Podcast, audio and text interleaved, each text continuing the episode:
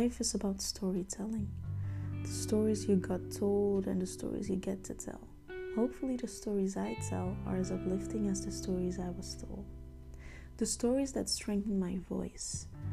When I think back to my youth, I think of the amazing stories my grandparents used to tell us. Stories that really helped me understand the true being of myself, where I came from, and what I till this day stand for. A special thank you to all the powerful women who've been my backbone from my family tree to every wildflower who joined the forest along the way. Not to forget the men who supported them and me to flourish even more by their leadership, their guidance, and their protection. You are true kings and queens to me. Living in a country like the Netherlands, being a young black girl can be challenging not truly knowing your core identity. Ik moet zeggen dat ik me daarom ook ontzettend bevoorrecht voel de eerste tien jaar doorgebracht te hebben in Mama's Ranang. Binnen ons gezin is er enorme diversiteit op grond van ras, sociaal-economische ladder, religieuze en culturele overtuiging, waardoor ik al op zeer jonge leeftijd heb geleerd mij aan te passen aan deze verschillen het belangrijkste hierin is altijd respect voor en acceptatie van de verschillen geweest. In de kern zijn we allemaal mens en hebben wij allen bestaansrecht. De veroordeling is niet aan ons. Die komt in het hiernamaals. Van de kankang uma's die mij hebben grootgebracht. En dan moet ik zeggen kankang uma's. Dat zijn powervrouwen in het Surinaams dan richt ik me even tot mijn overgrootmoeders en grootmoeders van moederskant en grootmoeder van vaderskant. Het waren allen vrijgevochten, onafhankelijke vrouwen die allemaal stuk voor stuk binnen hun huwelijk en huishouden de grootverdieners waren. Van moederskant een oma die zij tot in haar late tienerjaren heeft gekend die kind was van een tot slaaf gemaakte, weet wel dat mijn moeder de leeftijd van 50 jaar nog niet heeft behaald. Dus probeer die rekensom maar te maken. Dit heeft mijn interesse voor de geschiedenis enorm vergroot. De andere oma gevlucht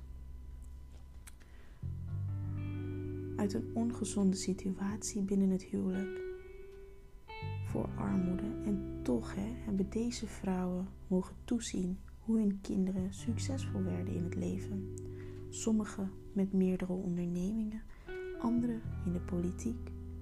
Maar die veerkracht, hè, die veerkracht in die verhalen, dat is altijd mijn motorolie geweest. Dit alles heeft zich afgespeeld in de eerste tien jaar de tien fundamentele jaren van mijn leven in Suriname. Ook een van de redenen dat ik zo grounded ben, vind ik zelf.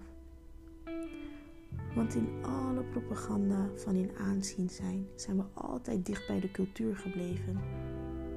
Met privileges komen altijd bepaalde ja, kanttekeningen kijken.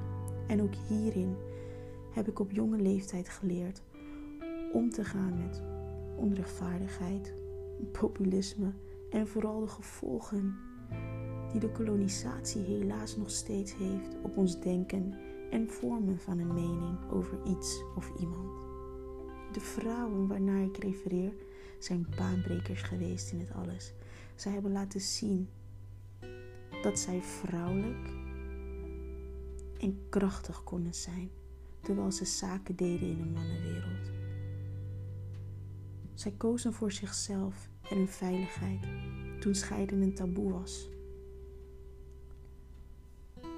Onderwerpen die te maken hadden met hun mentale conditie stipten zij aan, terwijl niemand anders dat durfde. Dankzij deze vrouwen weet ik dat het om meer draait. Het draait om meer dan wat je weet. Het zit hem vooral in de mensen die je kent en waar je je mee omringt. In mijn oma's slaapkamer stonden er drie gedichten op Delfts blauwe borden gegraveerd. En een van die gedichten, die trok altijd meer mijn aandacht dan de andere. En die luidde als volgt. Ware vrienden zijn als diamanten, waardevol en schaars. Onechte vrienden zijn net als herfstbladeren, die zijn overal te vinden. En ik kan dit nog zo zien hangen en ik las het dagelijks. It just spoke volumes to my soul. Ik ben altijd een vrouw geweest van connecties, echte connecties. Wij hebben allemaal een netwerk. Dit kan zelfs binnen je lokale supermarkt zijn. Wees je daarom bewust van je omgeving en hetgeen dat jij levert when you enter a room.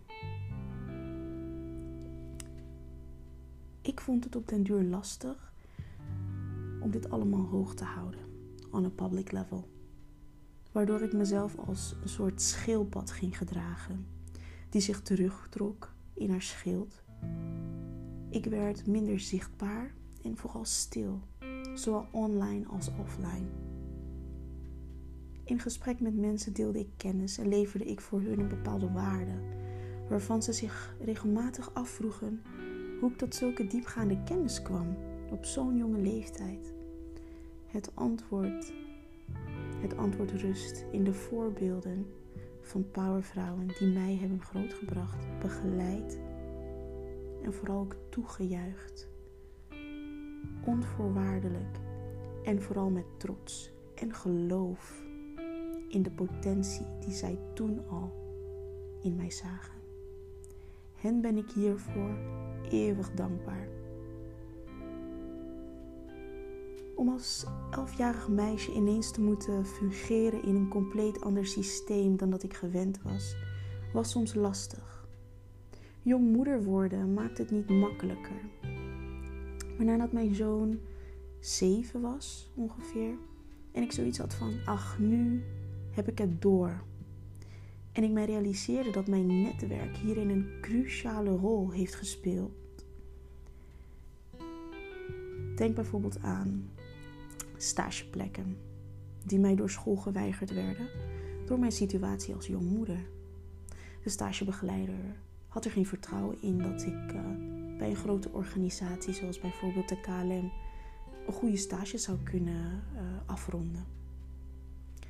Had ik het netwerk niet gehad, die school terugvloot hierop, was dit mijn realiteit gebleven, een ontnomen droom.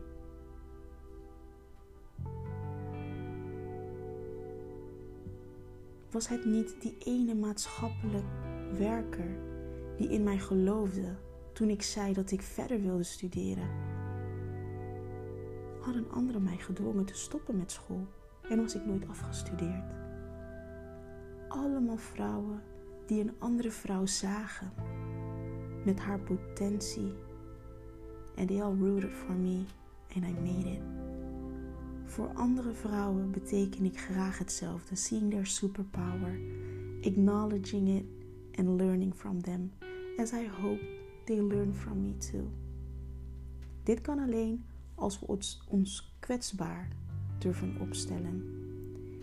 Eerlijk zijn over de route die wij hebben bewandeld. Naar onze big, maar zeker ook small wins. En voor mij is je kwetsbaar durven opstellen een teken van kracht. Het bewijst voor mij dat jij jouw kracht kent en dat jij je niet laat intimideren door externe factoren.